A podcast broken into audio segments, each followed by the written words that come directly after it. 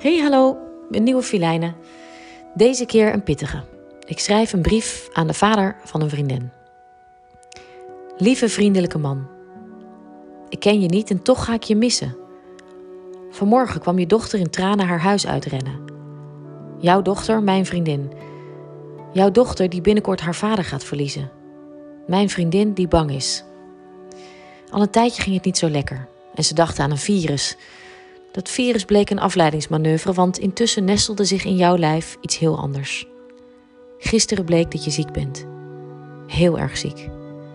Zo ziek dat er geen enkel plekje meer in jouw lichaam is dat gewoon gezond is. De lente is begonnen en bij jou staat ineens de winter van je leven op de stoep.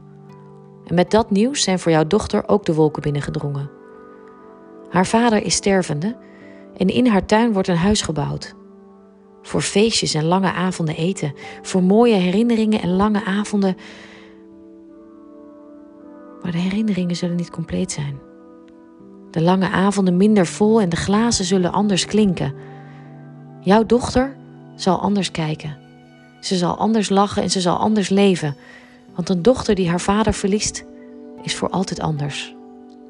Nooit meer zijn kleine meisje. Nooit meer zijn grote armen om haar heen. Nooit meer met haar tranen op papa's schouder. Je bent stervende. Je neemt afscheid van deze lente en je neemt afscheid van alles wat voor jou belangrijk was. Die tijd is je nog gegeven. Je mag rustig vertrekken van jouw God. Hij wacht geduldig. Ik kijk naar jouw dochter en ik zie mijn vriendin.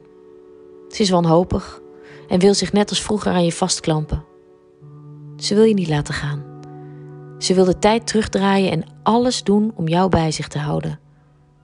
Maar de klok tikt door en jij kijkt haar met rustige, lieve ogen aan.